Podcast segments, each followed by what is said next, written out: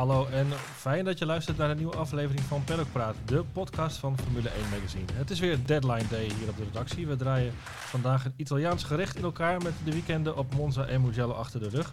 Mijn naam is Sjaak Willems en aan tafel zitten redacteur-verslaggever Daan de Geus. Hallo Daan. En Ilko de Boer is er ook, de veteraan van ons blad en tevens ook het geweten. Uh, hoofdredacteur uh, André Venema, die was in Italië aanwezig, maar hij zit nog in het vliegtuig en kan logischerwijs niet uh, Ik druk hem net weg in de telefoon hoor. Maar, ah, oké, oké. Okay. Bel hem zo wel even terug. We bellen zo terug, André. Um, heren, er is uh, gisteren natuurlijk van alles gebeurd uh, op Mugello. Een uh, prima debuut als Formule 1 circuit als het gaat om nou ja, incidenten en intriges. Maar wat zal er bijblijven? Ilko, laten we met jou beginnen. Nou ja, je zegt het is een, een, nieuw voor de Formule 1, maar echt wel een old school circuit. alle coureurs waren heel enthousiast over. Ja, je moet echt wel fysiek fit zijn. Uh, hoop snelle bochten, weinig rust tussendoor. Uh, daardoor ook weinig mogelijkheden tot inhalen, helaas. Maar aan de andere kant, de mogelijkheden waren er wel. En dat maakt het eigenlijk alleen maar mooier als dan zo'n actie wel lukt. Het, uh, het vergt weer wat, wat voorbereiding en, gewoon race inzicht. Het was ook een flinke zit natuurlijk, hè, 2 uur 20. Uh, okay, ja. Deel van de tijd werd weliswaar stilstaand doorgebracht. Maar ja, het was wel een, een debuut om te onthouden inderdaad. Ja, en wat was jouw... maar wat, ja, heb je nog een moment, Ilko? Om, nou ja, er waren eh, aardig wat momenten, maar uh, ja, de meest opvallende was natuurlijk die, die crash uh, bij de, de, de, herstart achter de safety car. Ja. dat, Gaan we het zo over hebben. Ging natuurlijk. goed mis, ja. ja. En Daan, heb je nog, wat, wat viel jij op? Wat zal je bij blijven? ja, het aantal starts, dat kan ik niet eens meer tellen. Zoveel waren het er volgens mij. Um, ja, wat ik toch wel opvallend vond, was het podium van Alexander Albon. Waar we het ook nog over gaan hebben natuurlijk zo. Ja, ik vond zelf het optreden van Kimi wel of weer Deskimis zoals vroeger. Flarden van het uh, verleden zag ik daar even. Hij maakte wel weer een stomme fout natuurlijk door die pitstraat verkeerd uh, in te rijden. Maar uh, de herstad daarna, ik weet niet of je die gezien hebt toevallig. Die, ja. was, die was fabelachtig. Hij kan het zeker nog. Hij kan het zeker nog. Nog um, altijd lekker ongemaneerd zichzelf op de radio. Ja, de boordradio is natuurlijk ook legendarisch. Ik kan het niet heel goed nadoen, dus die moeten de mensen maar even opzoeken. Ik heb hem geretweet geloof ik. Dus, Voor wat? Voor wat? Doe ik het toch, hè? Um, nou ja, het venijn zat hem eigenlijk in de kop en de staart. Maar laten we bij uh, de eerste beginnen. Hey, als de coureurs voordat de start begint, zo naar de grid rijden, dan heb je zo'n open kanaal wat we dan uh, thuis open hebben staan. Dan zijn we bezig om uh, wat dingetjes voor de site voor te bereiden. En toen hoorde ik ineens iets, met, iets van losing power uit de auto van Max Verstappen komen. En dan denk je toch weer even, het zal toch niet?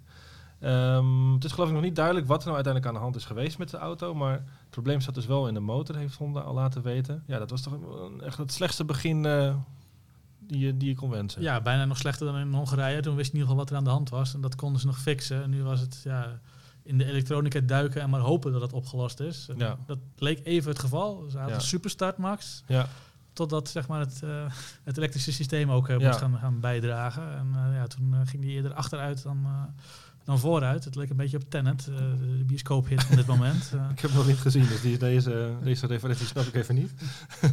maar uh, wat ik wel opvallend was trouwens, vond ik, de, ik zag wat quotes van Tanabe, de hondenbaas, en die stelde dat het probleem waardoor Verstappen's vermogen uiteindelijk, waardoor hij het verloor vlak na de start, dat deed zich voor tijdens de opwarmronde. En dat was dus dan weer volgens hem een ander probleem dan in die ronde naar de grid toe.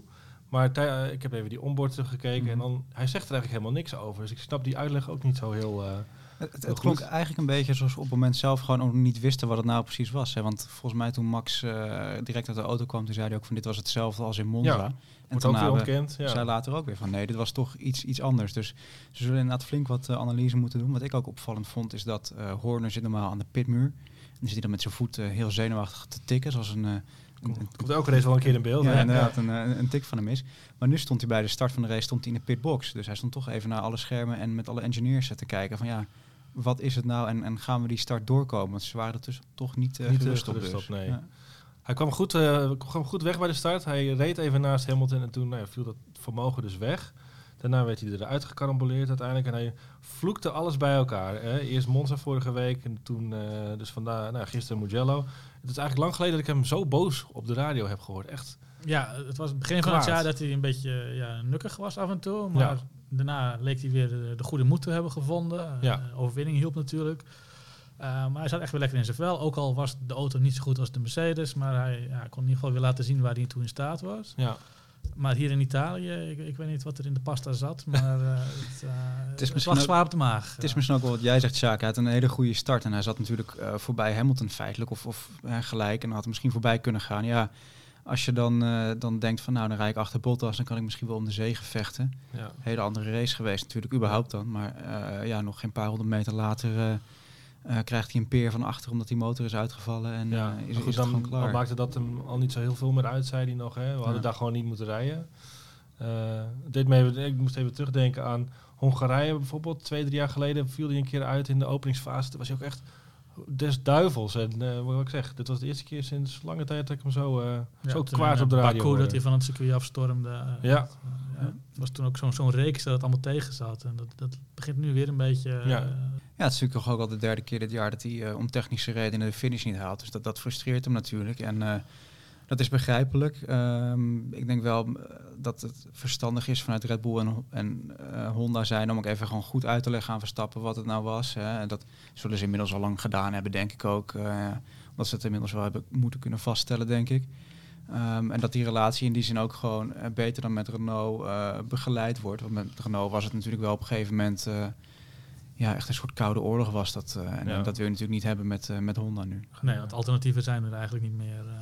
Uh, andere motorleverancier gaat Red Bull niet zo snel vinden. Nee, nee en ik bedoel, laten we ook niet vergeten dat op zich die relatie met Honda wel, wel heel goed is. Mm -hmm. um, maar het is natuurlijk wel lastig als het dan twee races op rij iets, iets gebeurt en je, en je eigenlijk ja, feitelijk kansloos maakt voor die tweede plek in het WK. Nou had hij daar zelf sowieso al niet op gerekend, maar ja, het is toch wel zonde natuurlijk. Maar het waren wel races waar, waar kansen lagen. Kijk, Monza niet zozeer op snelheid, maar je, je ziet aan Gasly van ja, met een, de juiste strategie kun je naar voren komen.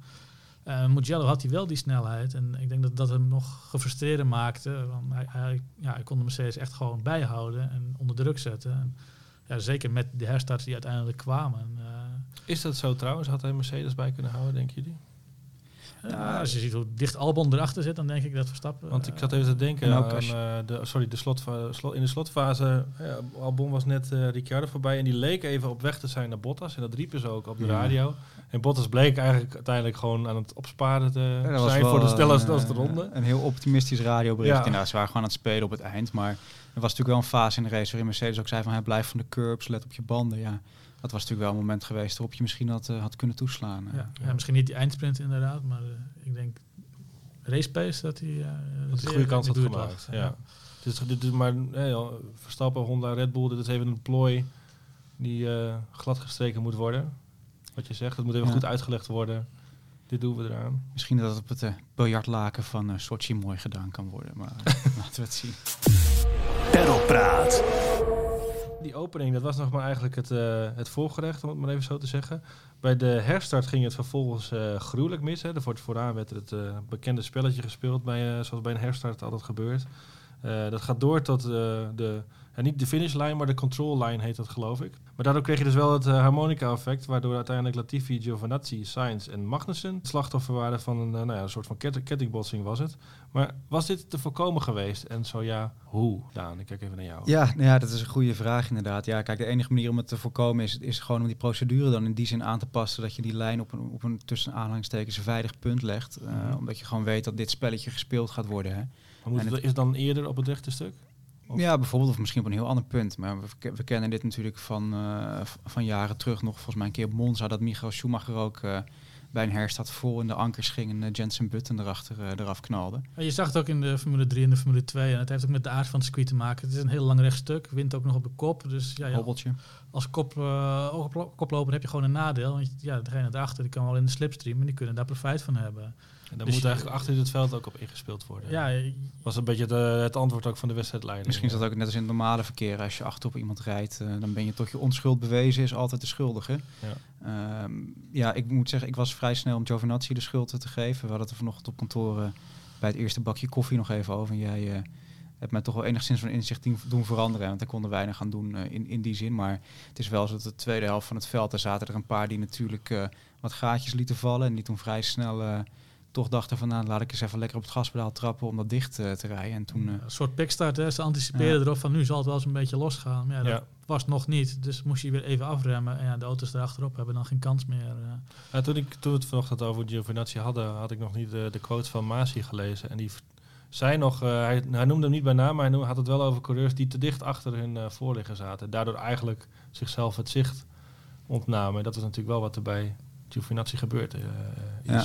Ik denk het feit dat ook volgens mij zijn twaalf coureurs hebben zich moeten verantwoorden bij de wedstrijdleiding over deze crash. Allemaal een waarschuwing gekregen. Ja. Ja, maar niemand was echt overwegend schuldig, zei de wedstrijdleiding ook. Dus Nee. het, ja, het is een samenloop van omstandigheden. En ja, 12 van de 18 coureurs in, in de wedstrijd op dat moment nog kregen een straf. Dus ja, eh, Bottas werd nog nadrukkelijk vrijgesproken. Die eh, werd van gezegd, die deed niets verkeerd. Ja, hij mag gewoon het, eh, tempo aangeven als, Ja. als leider. Eh, en ja, hij maakt ook geen rare eh, versnellingen ja, of afremmen. Hij zei zelf, Eh, ik heb dezelfde snelheid aangehouden. Ik heb niet... eh, ja, Het is ja. denk ik net als dat, dat bord eh, vorige keer eh, op, op Monza voor eh, de pittingang is dicht. Ja, dat zijn gewoon dingen die... Daar kom je dan achter door zo'n incident. En dan moet je kijken van ja, wat kunnen we beter doen? beter opletten ook tijdens de, de briefings. eh, en de support races, want daar hebben ze al een beetje kunnen afkijken. Hoe gaat het ongeveer in zijn werk, zo'n herstart? ja, maar er werd achterin veel gevloekt. Die woede vinden jullie niet eh, terecht dan? Nou ja, dat is zeer terecht, want je, je knalt achterop iemand en je, eh, ja, je zet toch een beetje je leven op het spel. Dus ik kan me Mhm. wel voorstellen dat dan de eerste reactie is van... eh, ja, Maar als in van, hè, er werd naar voren gewezen. Wat, doen die mensen daarvoor? We- willen ze ons dood hebben? ja, zij weten niet precies wat daarvoor Ja. gebeurd is. Dus Nee. eh, zij, ze zijn, staan opeens langs de kant zo. met een andere auto op hun dak. Ja, oh, nou ja, geen dak natuurlijk, maar de halo gelukkig. Die hebben we tegenwoordig. Dus ik denk dat ze de beelden terugzien dat ze ook wel ja, meer begrip hebben voor wat er gebeurd is. En als, als zij zelf in die koppositie zouden zitten, dat ze het niet heel Dat anders ze het hadden zelf hadden aangepakt. gedaan, Goed, eh, col- eh, onze columnist Koen Vergeer, die eh, heeft hier ook nog wel wat over te zeggen. Hij genoot ook wel stiekem een beetje van die, eh, van die chaos. Dat hoor je straks helemaal aan het einde van eh, de podcast, in de, de uitloopstrook. Formule 1. Pedalpraat. Ehm, na deze crash eh, was er natuurlijk de strijd vooraan. Bottas die, eh, die ging aan kop bij die herstart. En er werd meteen even in bocht 1 de, de oren gewassen. Ja, Hamilton eigenlijk hetzelfde bij hem wat Bottas eh, bij de aanvankelijke start eh, deed. Liet ook wel zien wat inderdaad het voordeel dus was van die, eh, die slipstream daar. Ja, En daarna was het gewoon een gelopen koers. Ik denk elke kans die Bottas had om de race te winnen, die was verdwenen op Die bij dat, de er, start. eh, ja, Ja. dat er een rode vlag kwam. Ja. Nou, hij riep nog, ik wil de opposite strategy dan van, van Lewis. Hij wilde hem dus nou ja, uit gaan wachten. Dat, nou, dat, dat, dat lukte hem niet. Nee, hij kon zijn eigen banden niet goed genoeg houden om, om überhaupt eh, een andere strategie eh, te, te vragen. En, eh, Ik weet ook niet of Mercedes hem anders dat wel had gegeven. Ik denk dat ze gewoon... eh, Ja, ik, ik had het nog even opgezocht. Dat in, in twee rondjes tijd ging zijn achterstand van 2,5 seconden naar meer dan 6. Dus of die banden waren compleet op, of hij zat zo met Mercedes te overleggen dat hij even niet helemaal bij het, bij het rijden kon blijven. Maar Ja. Dat liet wel zien dat het inderdaad niet ging rijden. Ik moet wel zeggen, het, is, het valt wel te prijzen dat hij gewoon zegt van... eh, Het was voor het eerst eigenlijk een beetje, hè? ja, jaar. laten we wat anders doen qua strategie. Ja, Je zou hopen dat dat vaker kan. Misschien dat hij af en toe een keer op wat andere banden kan kwalificeren of zo. Maar Mercedes is er vaak toch niet happig op om die gasten op, eh, op verschillende strategieën te zetten, helaas. nee. En eh, zeker dit jaar zie je dat eigenlijk gewoon maar één strategie eigenlijk ideaal is. Eh, ja, behalve dan een uitzondering als Monza. Maar eh, er is weinig variatie mogelijk. Dus je kan wel iets anders proberen, maar het is eigenlijk per definitie langzamer. En ja, dat wil geen enkele coureur. Ik had me wel afgevraagd wat er dan zonder al die eh, onderbrekingen gebeurd zou zijn qua strategie. Of iedereen dan ook echt één stop en dan echt zo'n trage optocht zouden hebben gekregen. Zullen we nooit weten, hè? maar Het was een hele andere race geweest. Denk Ja. ik. Nu zijn we allemaal heel erg eh, enthousiast over Mugello. eh, en terecht, puntje denk ik. Maar het had ook zomaar een hele andere race kunnen zijn dat we zouden denken van nou, volgend jaar maar niet hierheen, eh, alsjeblieft. ja, na de eerste herstart eh, reed Mercedes toch ook alweer heel snel weg van de rest, hè? Ja, nee, is absoluut. En, ja, er zaten gewoon grote gaten in. En ik zei in het begin wel, inhalen is wel mogelijk met de nodige voorbereiding. Maar je hebt dan natuurlijk wel verschillen in bijvoorbeeld banden of, eh, of, of iets dergelijks nodig. Eh, twee gelijkwaardige auto's, zoals twee Mercedes'en, de- daar zal je weinig eh, Ja. spannende strijd zien, denk ik, op een circuit als Mugello. Pedalpraat. Strijd was er wel eh, om die derde podiumplek. En daar werd ook ingehaald. Het had eigenlijk natuurlijk Stroll moeten zijn, de man, de man op de derde plek. Zeker, ja, Stroll, eh, prima optreden, dacht ik. Eh, ja, het is misschien een beetje een onorthodoxe mening, maar ik vind hem dit hele seizoen eigenlijk al, al heel sterk rijden. Ja.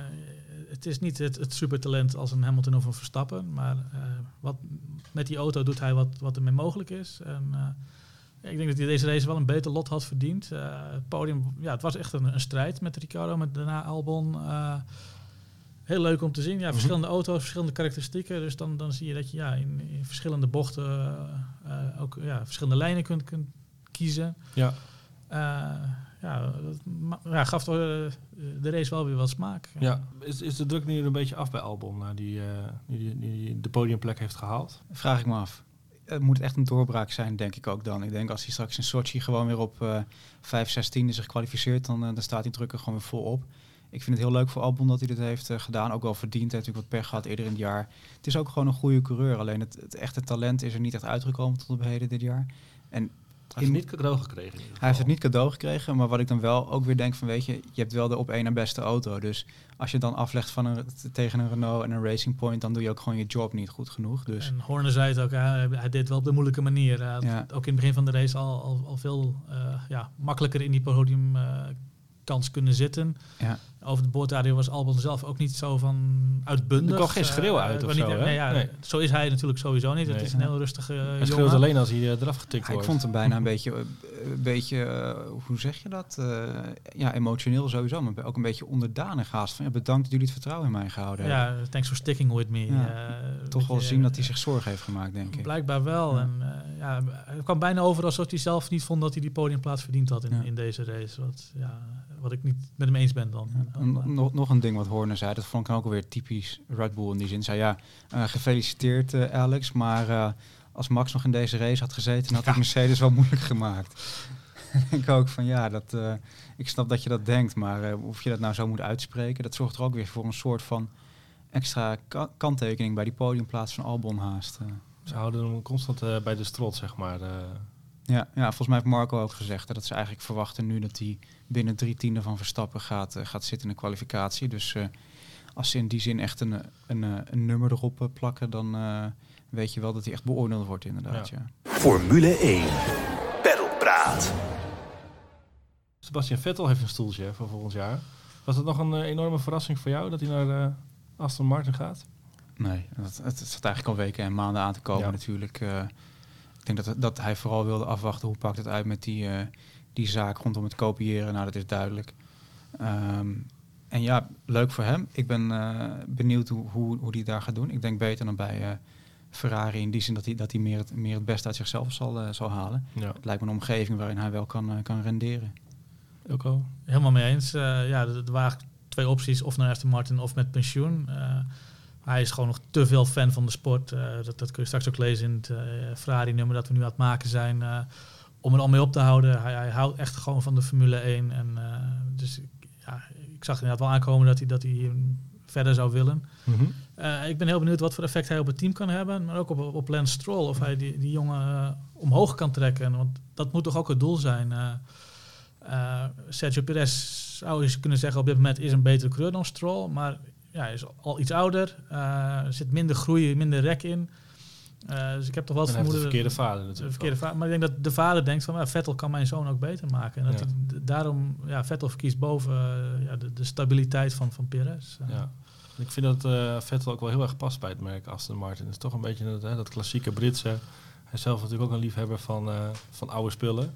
Ja, en van Britse humor en van Britse films. dus eh, dat komt mooi uit. En Ja. hij krijgt volgens mij ook een mooie blitse Britse sportwagen voor de deur Ja, straks. die- Dus, eh, Het zal aan hem beter besteed zijn dan andere coureurs eh, op de grid. eh. Perlpraat. Ilko, jij staat, eh, op, zit op hete kolen. Jij wil zo de studio uitrennen. Eh, Nee, rennen doen we niet in de Oh, Formule rennen doen we 1, niet, hè? hè? Dat Oké. Je geen controle hebt eh, en alles is onder controle. Maar ik moet zo wel de hoofdredacteur terugbellen. Dus Er moet nog eh, een Ferrari getinte koffer gemaakt worden. Die zie je eh, eind deze week dus makkelijk in het schap eh, liggen door die kleur rood. Ehm, behalve die twee an- Italiaanse races heeft André namelijk ook een eh, bezoek gebracht aan de fabriek van eh, Lamborghini. Hij sprak met eh, CEO Stefano Domenicali, hè, de oud teambaas van Ferrari. Heeft hij nog een, een spannende opvatting over het lopende seizoen? Nee, Dominicali wil, wil zich niet uitlaten over de huidige stand van zaken van Ferrari. Uit, respect voor de, voor, de, voor de mensen Ja. die daar nu werken. Eh, hij is destijds zelf bij Ferrari opgestapt omdat hij het, ja, het team weer een nieuwe kans wilde geven. En hij, hij, hij houdt zich wat dat betreft op de vlakte. eh, Op zich ook classy eigenlijk. ja, heel netjes. En eh, ja, hij is natuurlijk ook goed terechtgekomen. Hij zit nu bij Lamborghini. Hij is voorzitter van de VIA Single Seater Commissie. Oké, ja. Eh, er spelen ook wel wat politieke dus. belangen Ja, bij. ja, ja. Je wil niet tegen al te veel heilige huisjes schoppen in zo'n Nee. functie. Maar eh, nee, het, het is een hele nette man. Ook destijds als, als teambaas bij Ferrari was dat mijn indruk van hem. Dat hij eh, Heel correct, heel ja. correct, heel beheerst was. eh, Zijn voorganger, zijn contacten had, voorganger was iets minder... met de concurrenten. en ja, dat is wel eens anders geweest bij teambaas. Ja, die was iets minder tactvol. Ja. We hebben ook een prachtig verhaal met Brenda Verner, heet zij. Dat is niet een naam die meteen belletjes doet rinkelen. Maar zij was de persoonlijke assistente van Enzo Ferrari in zijn nou ja, tijd als baas natuurlijk. Vol anekdotes en inzichten over de Il eh, Commendatori. Kunnen we nog wel, eentje eh, oplepelen? Wel duidelijker over de huidige generatie van Ferrari. Dat, eh, ja, dat hoeft van haar niet zo nodig. Het team is toch wel heel erg veranderd. En ja, ja, ze mist meneer Ferrari. Ja. Ja. Toch grappig, zo'n inzichtje door iemands ogen hè, in de wereld van, van Enzo. En onze fotograaf eh, Peter van Egmond heeft zijn favoriete Ferrari-foto's uitgezocht. En daar zitten eh, uiteraard weer een aantal eh, pareltjes bij. We hebben nog een panelgesprek over de staat van Ferrari momenteel. Eh, daar gaat het natuurlijk iets minder goed, zoals we allemaal weten. Tom Coronel, Michael Blekemolen, Allard Kalf en Rob Campus geven hun mening daarover. En die laatste heeft ook nog een, eh, eh, Campus heeft nog een mooie column geschreven voor ons blad. Dat en meer dus deze week in de winkel. Dit was het voor nu. Een vrij weekend eh, staat ons te wachten. Ik denk dat het thuisfront daar ook wel over te spreken ja, is. na negen races in elf weken is dat, dat, dat vrije weekend altijd toch wel eh, zeer welkom. We Eh, kunnen even ademhalen.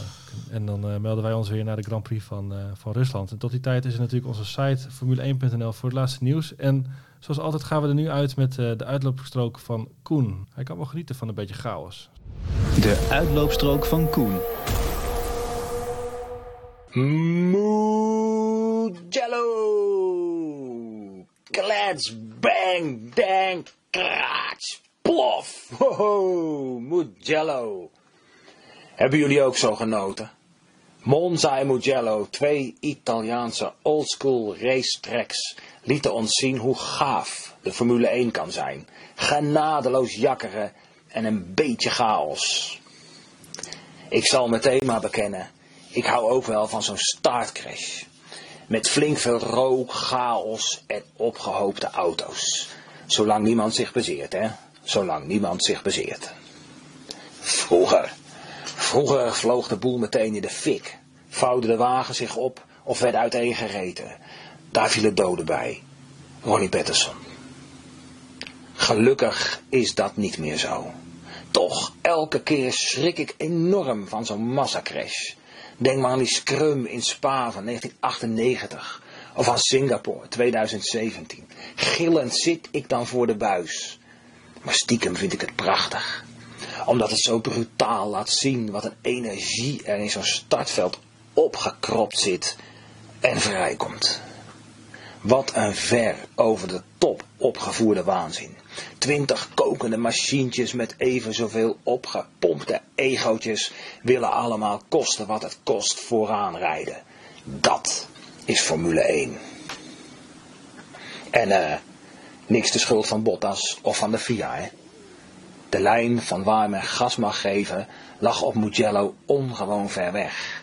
En een handvol koekenbakkers in de achterhoede, die nooit opletten bij briefings en dus ook nooit kampioen zullen worden, ging gewoon routineus bij het opkomen van het rechte stuk op het gaspedaal. Zo ontstond het harmonica-effect. Klets, bang. Sowieso liet Mugello zien hoe genadeloos de Formule 1 moet zijn. Een baan die je vanaf moment 1 bij de strot grijpt. Alles minimaal in de derde versnelling, volle bak rachen en geen centimetertje te veel nemen.